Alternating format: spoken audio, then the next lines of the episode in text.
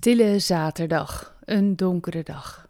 Vandaag is het Stille Zaterdag, de dag die volgt op Goede Vrijdag. Het is de dag voor Pasen en de laatste dag van de 40 dagen tijd waarmee we ons voorbereiden op het paasfeest. De afgelopen 40 dagen hebben we samen opgelopen en gekeken naar het leven van Jezus door de ogen van Marcus.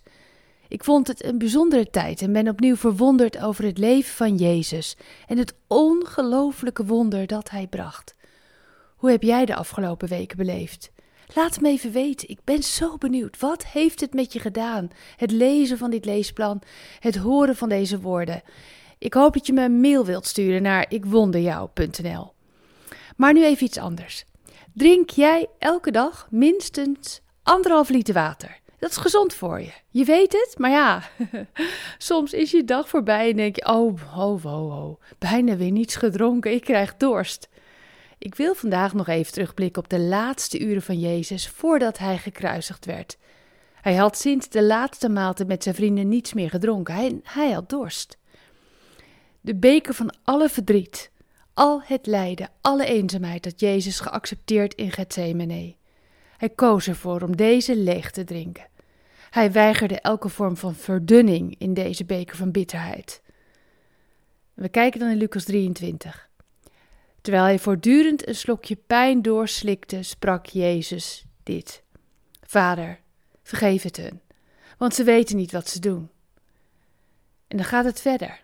En toen riep Jezus luid: Eloi, Eloi, lama sabachthani. En dat betekent: God, mijn God, waarom heeft u mij verlaten? En toen werd het donker, aardedonker. Heb jij je wel eens verlaten gevoeld? Verlaten door je partner, je moeder, je vader? Wat is het dan donker om je heen, hè?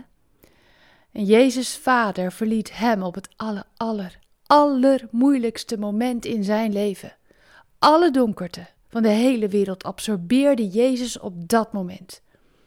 Hé, hey, we wandelden samen al dagen met Jezus en nu staan we op deze donkere dag stil. Stille zaterdag.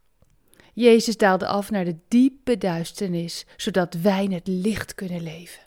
Hoe mooi en hoe bijzonder is dat? Zullen we samen bidden? Heer, wij zijn u zo dankbaar.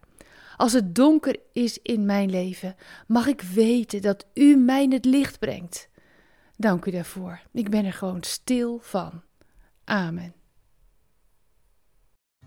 Bedankt voor het luisteren naar Ik Wonder Jou.